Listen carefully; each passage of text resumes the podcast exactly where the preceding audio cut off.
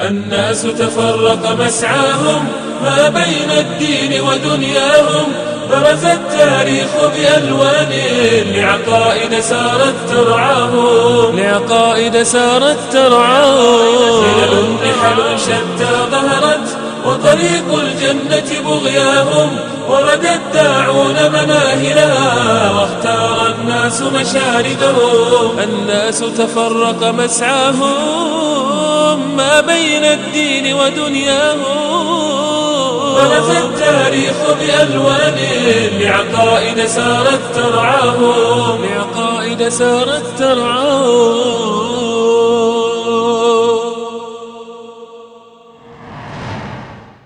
الحمد لله رب العالمين وصلى الله وسلم وبارك على عبده ورسوله محمد وعلى آله وصحبه أجمعين.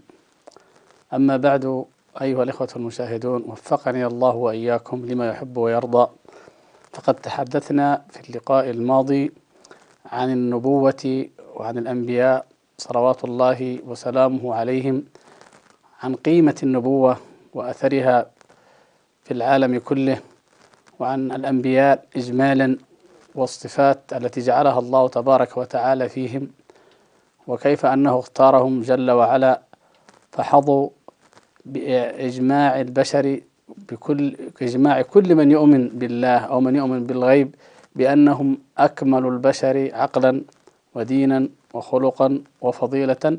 على ما شاب ذلك لدى كثير من الأمم مما أشرنا إليه وسنوضحه إن شاء الله في هذه الحلقة. هذه القضية قضية النبوة هي أحد المعالم الفاصلة والرئيسة واضحة جدا بين الفكر اللاديني وبين الفكر الذي يؤمن بالغيب أو العقائد التي تؤمن بالغيب. وفي الوقت نفسه أيضا بين الفكر الوثني أو الفكر الغيبي المشوب بالوثنية والخرافة والأساطير وبين الفكر الإسلامي النقي. وعندما نقول الإسلامي أو المسلم فإننا نعني به كل ما كان على هدى الله تبارك وتعالى وفطرته منذ قديم الأمم إلى أن ظهر الإسلام في مفهومه الشامل والكامل وفي رسالته الخاتمة ببعثة محمد صلى الله عليه وسلم. فكل الأنبياء من قبل كانوا مسلمين والدين كما قال الله تبارك وتعالى إن الدين عند الله الإسلام في كل العصور وفي كل الأزمان. وإن من أمة إلا خلا فيها نذير وهذا النذير يدعوهم إلى الإسلام وإلى الإيمان الذي هو دين الله تبارك وتعالى الذي هو فطرة الله التي فطر الناس عليها. لا تبديل لخلق الله ذلك الدين القيم. فكل البشر في تاريخهم الطويل منذ آدم عليه السلام ثم إلى أن وقع الشرك والانحراف وأصبحت البشرية نوعين مؤمن موحد وكافر مشرك. وإلى اليوم نجد هذين المعلمين لم ينقطعا معلم أو أو مجموعة أو فسطاط إيمان واضح جلي إيماني يؤمن بالله تبارك وتعالى وأنبيائه ورسله وكتبه بلا تفريق بين لا نفرق بين أحد منهم. والآخر الذي وقع في الضلالة والجهل والشرك والغبش وهذا الذي مع الأسف الشديد يطغى غالبا عند كثير من الباحثين. العلمانيين اللادينيين ثم يتبعون بعض المسلمين فيجعلون تاريخ البشرية فقط هو هذا الجانب المنحرف الضال ولا يكادون يأتون على ذكر الأنبياء لا في قليل ولا في كثير. الشاهد هو الذي يهمنا الآن هو أن نوضح أن يعني هذا هذه هذا التاريخ وهذا المنهج الواضح الذي كان منذ أن بعث الله تبارك وتعالى الرسل الكرام بعد أن انحرفت البشرية أيام نوح عليه السلام إلى محمد صلى الله عليه وسلم وإلى اليوم أن هذا المعلم واضح جدا متميز جدا وأن أي شائبة تشوبه من شوائب الفكر الوثني أو الخرافة أو الأسطورة أو ما أشبه ذلك فإنها تعكر نقاءه و و وإنها تكدر صفه وهذا مع الأسف ما وقع في التاريخ الإسلامي وفي الفكر العقدي الإسلامي الديني. نحن في الحقيقة يعني ليس من منهجنا في في في هذه الحلقات أن نناقش تفصيلات الانحرافات عند الفرق العقدية الإسلامية بقدر ما هو كما يعلم الإخوة ونذكرهم الأخوة المشاهدين نذكرهم بأننا نحن نقارن بين مناهج ثلاثة بين المنهج الإسلامي النقي والمنهج العلماني والمنهج الوثني أو المنهج المنحرف المشوب بالأساطير القديمة والحديثة المتلبسة بثوب العلم أو بغيره. لكن عندما ألمحنا أو أو أشرنا اللقاء الماضي إلى النظر إلى الفلاسفة وإلى مواقفهم وإلى أن الفكر العلماني اللاديني يعتبر أن الفلسفة هي مرحلة راقية من تاريخ التطور الإنساني. يعني ما قبل الفلسفة ومرحلة الهمجية ثم ما بعدها مرحلة التطور الفكري وأن النبوة عندهم إما غامضة إما لا تذكر وإما تندرج ضمن مرحلة ما قبل الفلسفة وإما كأنها معادية للتفكير العقلي والتفكير التنويري إلى آخر ما, ما هنالك من اختلافات. أقول لما كان ذلك فإنه يعني يجدر بنا أن, أن, أن نشير إلى أو, أو لا بأس أن نشير وأن نلمح الآن أو نوضح شيئا ما أن النظرة إلى النبوة بهذا الشكل الذي بما يشوبه من شوائب تأثر بها علم الكلام. كذلك علم الكلام الإسلامي كما تأثرت بها الفلسفة المسماها الفلسفة الإسلامية. فببساطة يمكن أن نقول إن الفلسفة اليونانية وغيرها الذي الذين تأثروا بها إن الفلسفة اليونانية وغيرها ممن تأثر بهذه الأفكار هي في الحقيقة تنقسم إلى قسمين. القسم الأول المنتمي إلى أفلاطون أو النوع المنتمي إلى أفلاطون وهو الذي يقوم على الاستنباط أو الاستدلال عن طريق الكشف والإلهام والعرفان يعني منبع داخلي منبع باطني منبع أو أو المصدر. في في أخذ الحقيقة والمعرفة هو الوجدان هو الحقيقة الباطنية. ولهذا تسمى نظرية العرفان أو المعرفة أو الغنوص تسمى أحيانا الغنوص أو الغنوصية. وهذه منتشرة في العالم المشرق في, في الصين في الهند وفي الفلسفة التي أخذت عنهما في الإسلام ولذلك تسمى الفلسفة الشرقية أو المشرقية أو الإشراقية. ليس الحقيقة المقصود هو الإشراق بقدر ما هو المشرق يعني معنى الحكمة التي تعود إلى أو الفلسفة التي مصدرها الوجدان والعرفان الداخلي. الجانب الآخر وهو التي أو, النوع الثاني ما هو ما يعتمد أو ما يرجع إلى نظريات آه، أرسطو وهو المعتمد على الاستدلال العقلي والقياس البرهاني الذي وضع من بناء عليه علم المنطق. ثم بعد ذلك آه، حصل التطور الذي حصل في علم المنطق. وما بعده يعني عندما طورت النظريات في ذلك حتى أفضت في عصر التنوير الأوروبي إلى المذهب العقلي الجامد الذي أدى في النهاية إلى الثورة أن يثور عليه هؤلاء وأن يأتوا منطق جديد يخالف المنطق الصوري اليوناني وطلعت بعد ذلك وظهرت نظريات اللا معقول أو التي لا تنتمي إلى العقل وهذه مرحلة أخرى قد يأتي الحديث عنها إن شاء الله فيما بعد. المقصود ان أن هذين منهجان مختلفان متباينان. منهج أفلاطون في الكشف والعرفان والإلهام والذوق والوجدان ومنهج أرسطو في المنطق والاستدلال والعقل والبرهان إلى آخره. آه، التأثر الذي حصل في في في التاريخ الإسلامي مع الأسف الشديد في تاريخ الفرقه الإسلامية تأثر هؤلاء وهؤلاء وبالذات في أهم قضية كما أشرنا قضية النبوة. وعندما نقول أهم قضية لأن كل المعرفة الإلهية كل معرفة عن الله تبارك وتعالى كل ما جاء عن اليوم الآخر هو مبني على النبوة وبناء على إثبات النبوة.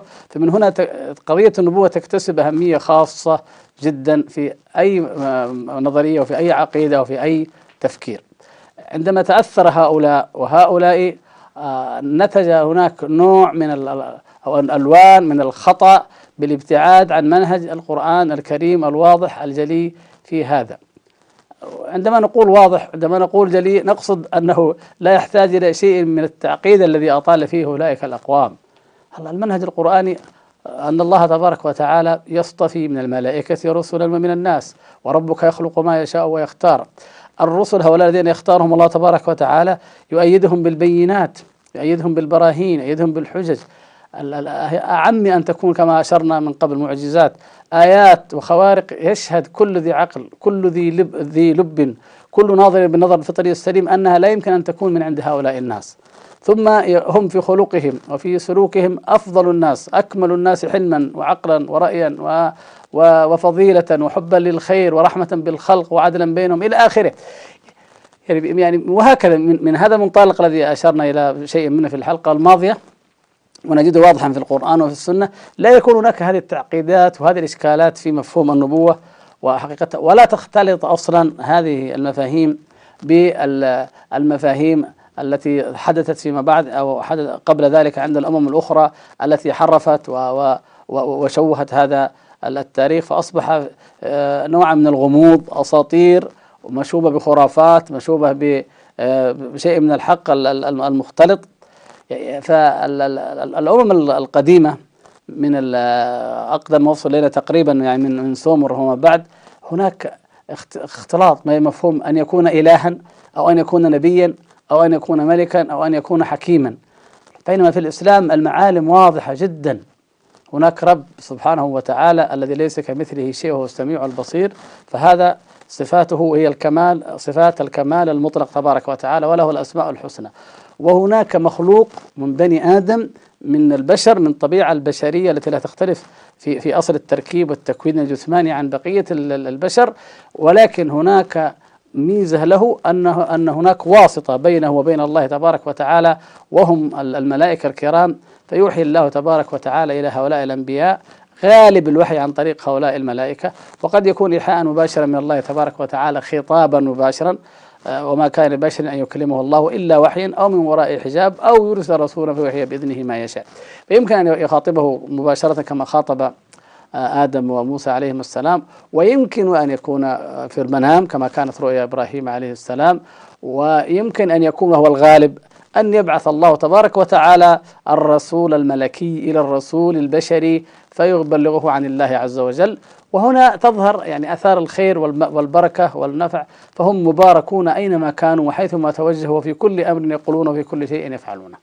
واضح يعني مفصل واضح جدا بين حقيقة الألوهية وبين حقيقة الملكية الملائكه يعني بالنسبة للملائكه وبين حقيقة البشرية في الأنبياء وفي نفس الوقت بكل بساطة بكل وضوح في القرآن وفي السنة الأنبياء بما أنهم بشر فإنهم مع أنهم معصومون عن الخطأ فيما يبلغونه عن الله تبارك وتعالى لكنهم قد يخطئون وقد يعصون وقد يذنبون ولكن الله تبارك وتعالى لا يقرهم على ذلك فسرعان ما يعودون وما يتوبون وما يستغفرون وما يجعل الله تبارك وتعالى من الخطأ أو الخطيئة هذه ما يرقيهم به بدرجات الكمال كما حدث لآدم عليه السلام وكما حدث لداود وكما حدث لغيره من الأنبياء في القرآن مما لا مجال لتفصيله.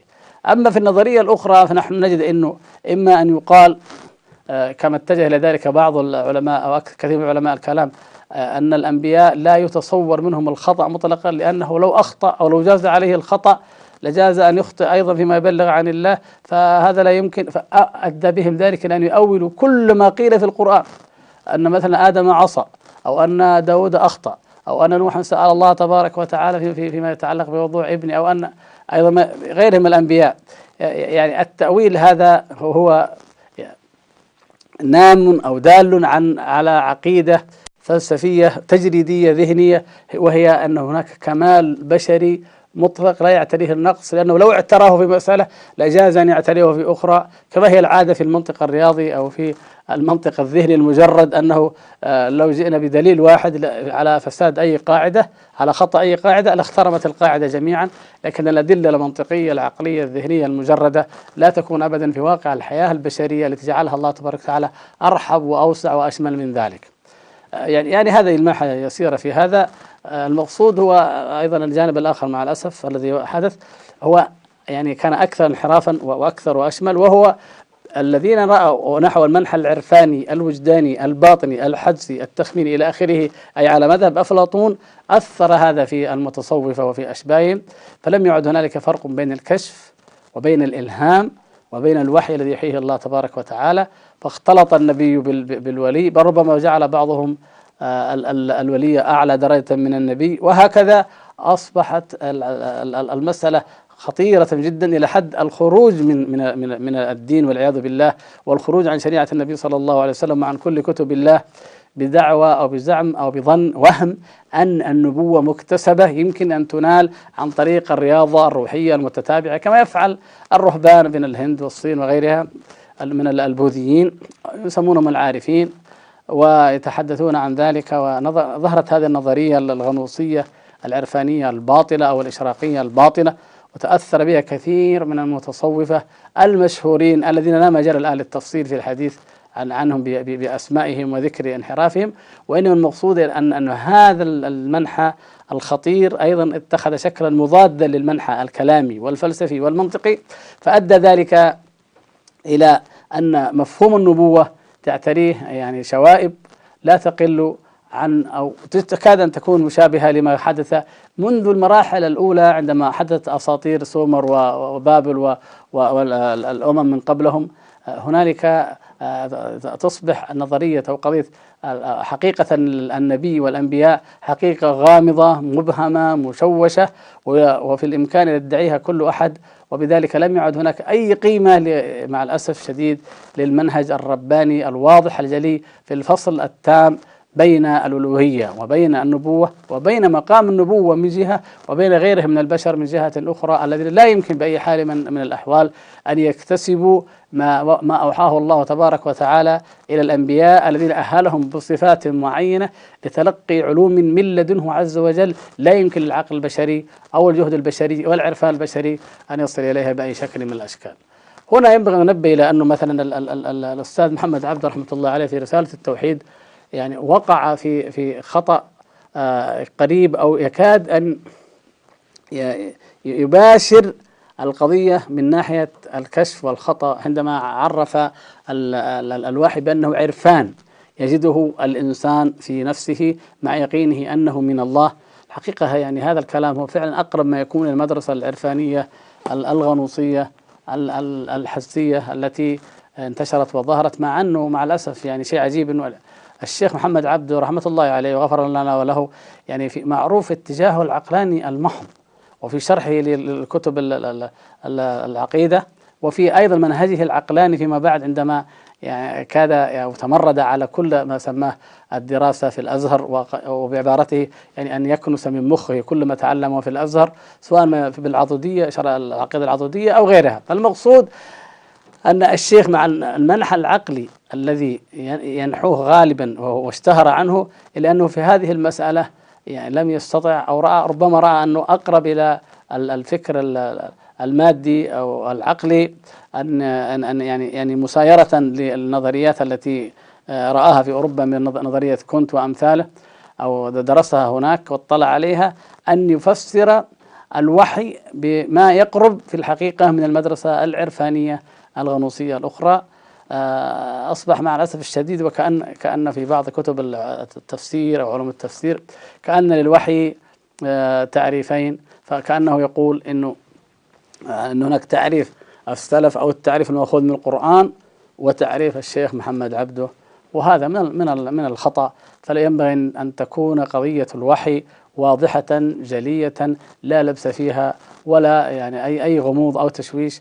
كما وضحنا من حيث الفصل بين حقيقة الألوهية وبين الحقيقة البشرية مع وجود الوساطة الملكية بين هذا وبين هذا. فهذه مسألة أحببنا أن ننبه إليها وكما قلت من غير أن أن يكون منهجنا الخوض في تفصيل الخلاف أو الأخطاء في الفرق الإسلامية لكن ننبه إليها لأننا عندما نقول أن المنهج الإسلامي هو الحق في هذه القضايا فإننا لا نعني به المنهج الكلامي ولا المنهج الفلاسفة من آه، إشراقيين أو من منطقيين ولا نعني به منهج أيضا المتأخرين في, في, في هذه الأمة أو أي فرقة من الفرق وإنما نعني به المنهج الصافي النقي الذي اعتمدناه في كل حلقاتنا بإذن الله تبارك وتعالى والذي نأتي عليه بالأدلة المباشرة والصريحة والواضحة من الكتاب ومن السنة لنقابل به المنهج الآخر.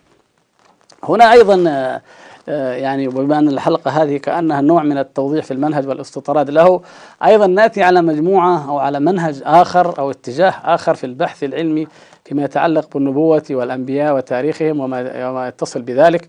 آه، مع أن قد قررنا طبعا أو وضحنا أن كل بحث في الفرق أو في الأديان فهو تاريخي بشكل ما. آه، نقول هناك أيضا من أخطأ في هذه المسألة ولكن من نوع آخر. الخطأ الذي يقع فيه هؤلاء أو النوع الذي نقصده هو أن القوميين العرب كثير من الكتاب والباحثين القوميين العرب آه، تأثروا بالصراع اليهودي العربي في في الأحقاب الأخيرة في العقود الأخيرة فأخذوا يكتبون في هذه القضايا عن أنبياء بني إسرائيل وعن تاريخ بني إسرائيل وكأنهم يعني أمة عدو لابد أن تتحين الفرصة لكي تبطل كل أعمالها لكي لكي تبين خطأها في كل مسألة لكي تبين أنها أمة معتدية أنها أمة وحشية أنها أمة همجية. فأثر هذا بشكل آخر حتى أيضا وجدنا انحرافات خطيرة خارجة عن منهج القرآن والسنة في التعامل مع الأنبياء صلوات الله وسلامه عليهم ولا سيما أنبياء بني إسرائيل مثل آه، موسى وسليمان. وداود ومن بعدهم. فضلا عن جزء مهم من تاريخ بني إسرائيل الذي جاء في القرآن الكريم والذي نحن نؤمن به ونعتقده لأن بني إسرائيل المؤمنين هم جزء من أمة الإسلام العظيمة التي تمتد من آدم عليه السلام إلى أن يرث الله الأرض ومن عليها من الأمة المسلمة الذين يعني وصفهم الله سبحانه وتعالى بالإسلام. ما داموا متبعين لأي نبي من الأنبياء من غير أن نفرق ولا تفرق أمة الإسلام. في القديم والحديث بين أي نبي من الأنبياء. فالأمة الإسلامية أو أمة الإسلام قبل بعثة محمد صلى الله عليه وسلم المسلمون الحنفاء أتباع أي نبي من الأنبياء كانوا يؤمنون بالأنبياء الذين سبقوا ويؤمنون بالأنبياء الذين سيأتون. وبعد محمد صلى الله عليه وسلم حيث ختمت النبوة الأمة الإسلامية بمعناها الأخير والخاص المعروف الآن في العالم تؤمن بكل أنبياء الله تبارك وتعالى ولا تفرق بين أحد منهم. الفكر القومي العربي نحى منحا آخر وهو استهداف بني إسرائيل بالعداوة حتى أنبيائهم حتى التوراة. فنجد آه، كلاما خطيرا جدا. نجد يعني هناك توجه إلى القول بأن كل ما جاء في سفر التكوين عن الخلق والخليقة منقول من أساطير أقدم. نجد من يقول إن شريعة موسى عليه السلام منقولة عن شريعة حمورابي ثم يقول أن حمورابي عربي باعتبار أن كما المحنة أن السامية أكذوبة وتلفيق. فردهم على على على أكذوبة أو تلفيقات الباحثين المستشرقين اليهود عن السامية بأن آه، جعلوا العربية لكن جعلوا العربية مقدسة وجعلوا اليهودية مدنسة وليس هذا بصحيح. فالتاريخ نعم هناك تاريخ للعرب القديمة ما قبل إسماعيل عليه السلام هم العرب القديمة. وليس السامية بالمعنى نعم نحن نقول أنه عرب قدماء وهذا سنوضحه إن شاء الله وقد أشرنا إليه فيما مضى.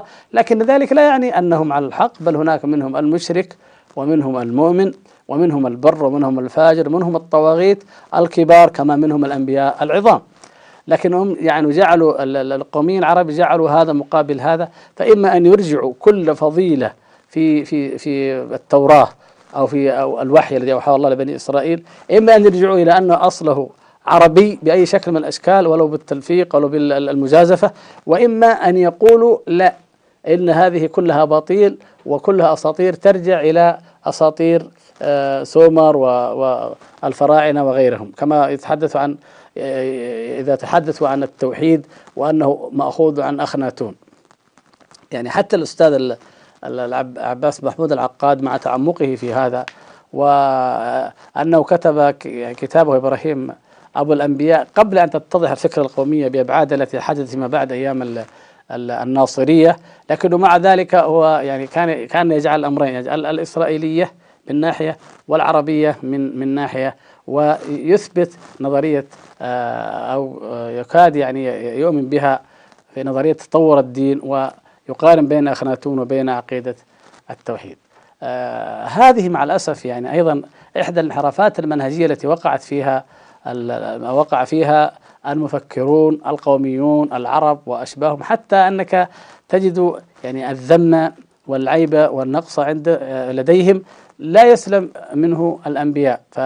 فيفرحون بأي نقيصة يجدونها منسوبة إلى داود عليه السلام مقابل أن الفلسطينيين كما يزعمون أو العرب الأصليين والذين يسمونهم فلسطينيين لأن وارد هذا لكن أو أن أنهم كنعانيون قد يكونوا كنعاني قد لا يكونون. على أي حال هم عندما أصبحت القضية عنصرية عرقية فيقول أنه, أنه يعني حرب آه، داوود عليه السلام مع آه، جالوت وما حدث كما قص الله تبارك وتعالى في القرآن تأخذ منحا آخر وكأنها يعني شكل متقدم للصراع العربي الصهيوني المعاصر فكل فضيلة تسلب من هذا الجانب وتعطى للفلسطينيين لجالوت ولجيشه وتؤخذ قضية طالوت وداود كما وقع في التوراة المحرفة وأشد من ذلك أيضا.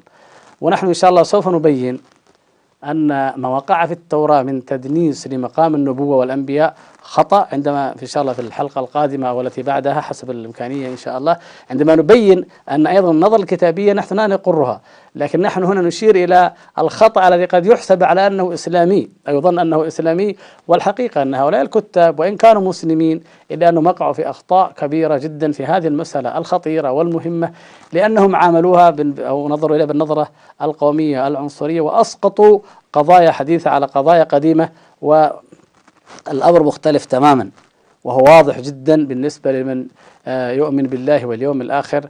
وفي كتب العقيدة في كتب التفسير المسألة هذه لا لا تحتاج إلى لبس ولا تحتاج إلى أن تدافع عن أي شيء لأنه عربي أو تثبت عروبته وإن كان غير ذلك ولا أن تثبت آه، في أي أي شيء الآخر أن تثبت أنه باطل وأنه خطأ وأنه تدنيس وأنه رجس لمجرد أنه ينتمي إلى الأمة.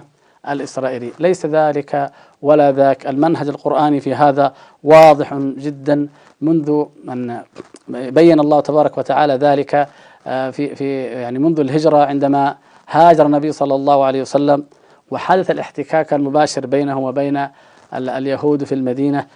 فتأتي السور القرآنية ومنها سورة البقرة وآل عمران وغيرها لتبين حقائق عظيمة وجلية. لا ينبغي لأي كاتب مسلم وعربي أن يتغافل عنها.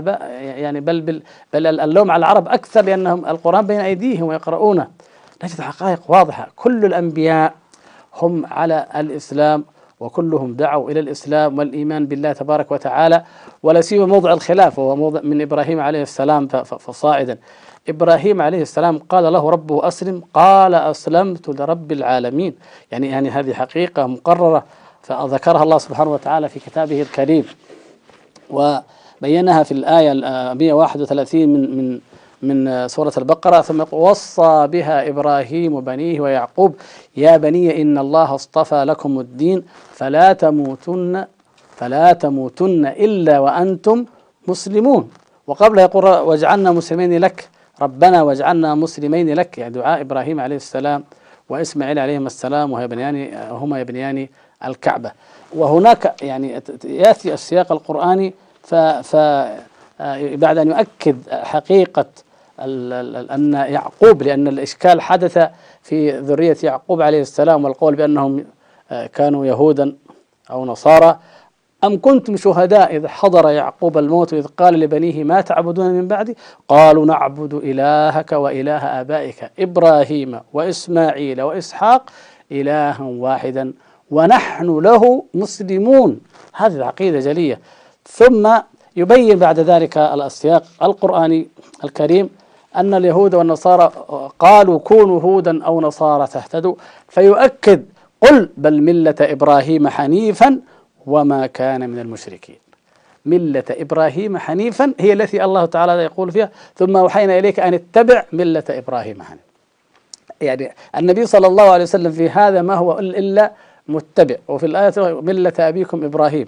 تبارك وتعالى بين تبارك وتعالى أن أب أن أبانا إبراهيم هو أب لنا في هذا.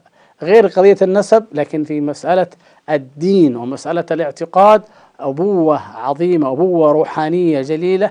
فنحن جميعا أمة محمد صلى الله عليه وسلم يمكن يمكن أن نسمى يمكن أن يقال إننا عن ملة إبراهيم ولا حرج ويمكن أن يقال إننا حنفاء ولا حرج ومسلمون بهذا المفهوم أيضا. كل ذلك أشبه بالمترادفات اللغوية. ولذلك يعني نحن نجد تفاسير السلف لهذه الآية أو لمفهوم كلمة الحنيفية يعني التفسير والتاريخ الذي حدث بعد ذلك تؤكد هذه المعاني. يعني أما أما, أما تفسير الحنيفية فقد فسرها مجاهد والربيع بن أنس كما نقل ابن كثير رحمه الله بأن حنيفا أي متبعا. قال أبو قلابة الحنيف الذي يؤمن بالرسل كلهم من أولهم إلى آخرهم. يعني إذا إذا إذا كان هذا هذا المفهوم الراقي العظيم الإيمان بالرسل جميعا من أولهم إلى آخرهم. ثم يأتي أيضا قتادة فيقول الحنيفية شهادة أن لا إله إلا الله ويدخل فيها وهذه نقطة مهمة نحن نذكرها هنا لأهميتها لأنه يقول لك إيش؟ يدخل فيها تحريم الأمهات والبنات والخالات والعمات يعني خروجا عما يعني الشرائع المحرفة في هذا الشأن. وما حرم الله تبارك وتعالى دخول يعني تحريم الخمر والخنزير وعبادة الأصنام داخلة في الحنيفية. ثم يقول والختان الشعائر التي هي من سنن الفطرة. فهي يعني ملة إبراهيم عليه السلام هي عقيدة هذه الأمة في العقيدة في الله تبارك وتعالى وفي الأحكام جملة وهي تحريم الخبائث وإحلال الطيبات. وفي الشعائر التي هي من خلال أو من سنن الفطرة. ومن أعظم من أعظم وأهم آه، ذلك الختان. ذلك الذي كان معروفا متداولا بين العرب وظل عليه بنو إسرائيل حتى نسخه بولس بدعوى وزعمه الكاذب. فسنن آه، الفطرة وخلال الفطرة وتنسب يعني فضلا على قاعدة أكبر من ذلك تنسب إلى إبراهيم عليه السلام. ونحن آه، يعني أتباع ملة إبراهيم عليه السلام. ولذلك فإننا يعني أمرنا الله تبارك وتعالى بعد هذه الآية مباشرة بأمر نحن نتعبد به ونقرأه في في صلاتنا تذكيرا به يوميا وشبه يومي. قولوا آمنا بالله وما أنزل إلينا وما أنزل إلى إبراهيم وإسماعيل وإسحاق ويعقوب والأسباط وما أوتي موسى وعيسى وما أوتي النبيون من ربهم لا نفرق بين أحد منهم ونحن له مسلمون.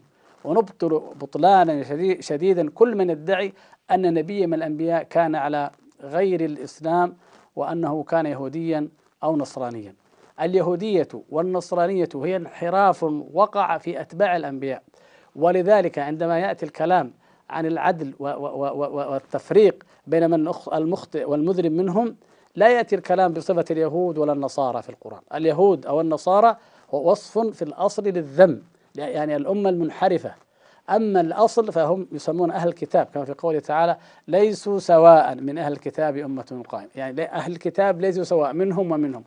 أو قوله تبارك وتعالى ومن قوم موسى أمة يهدون بالحق وبه يعدلون. فليسوا سواء لكن لذلك قال من قوم موسى. يعني يشمل الذين اتبعوه بحق والذين يدعون غير ذلك. وكذلك عيسى عليه السلام. فأفضل الخلق عندنا نحن المسلمون نحن المسلمين في عقيدتنا الإيمانية الواضحة الجلية أفضل الخلق هم الأنبياء وأفضلهم أولو العزم من الرسل وأفضل من بعدهم هم أتباع الأنبياء.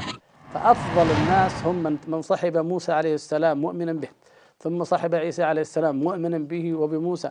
ثم من صحب النبي صلى الله عليه وسلم وهم كانوا طبعا مؤمنين بموسى وعيسى ومحمد صلى الله عليه وسلم وكل أنبياء الله لا نفرق بين أحد من رسله. ثم التابعون من هؤلاء وهؤلاء. أما من انحرف ومن ضل ومن ابتدع فنحن نبرأ إلى الله تبارك وتعالى من انحرافه وضلاله وشركه وبدعته سواء كان من قوم موسى أو من قوم عيسى أو من قوم من يدعي أنه من أمة محمد صلى الله عليه وسلم. المسألة عندنا لا عنصرية فيها ولا قومية فيها بأي شكل من الأشكال وإنما هو دين جلي واضح مثل البيضاء مثل الشمس. جعله الله تبارك وتعالى دين الأنبياء جميعا وقال إن الدين عند الله الإسلام. وقالوا من يبتغي غير الإسلام دينا فلن يقبل منه. وهو في الآخرة من الخاسرين نؤمن بهم يعني جميعا. ومن انحرف من هذه الأمم جميعا أو من هؤلاء الأقوام جميعا فحسابه على الله وبحسب انحرافه يعامل. وفي ذلك إيضاح وتجلية لكثير من القضايا التي وقع فيها من من أخطأ وضل.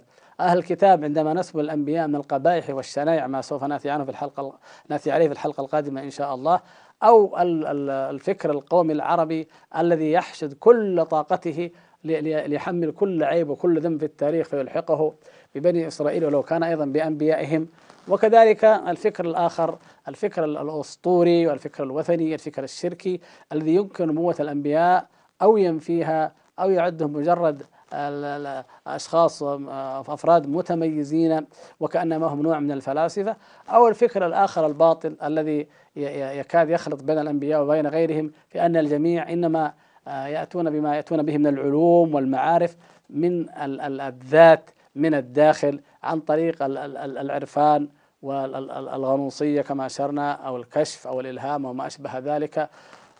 هذه كلها مناهج ضالة وقد أخذت هذه الأمة المسلمة مع الأسف الشديد بنصيبها كما بين النبي صلى الله عليه وسلم أنهم يتبعون سنن من كان قبلهم من الأمم. أخذ طوائف من هذه الأمة بنصيبهم من الخطأ والانحراف اتباعا لتلك المناهج الضالة التي ليست من الإسلام في شيء.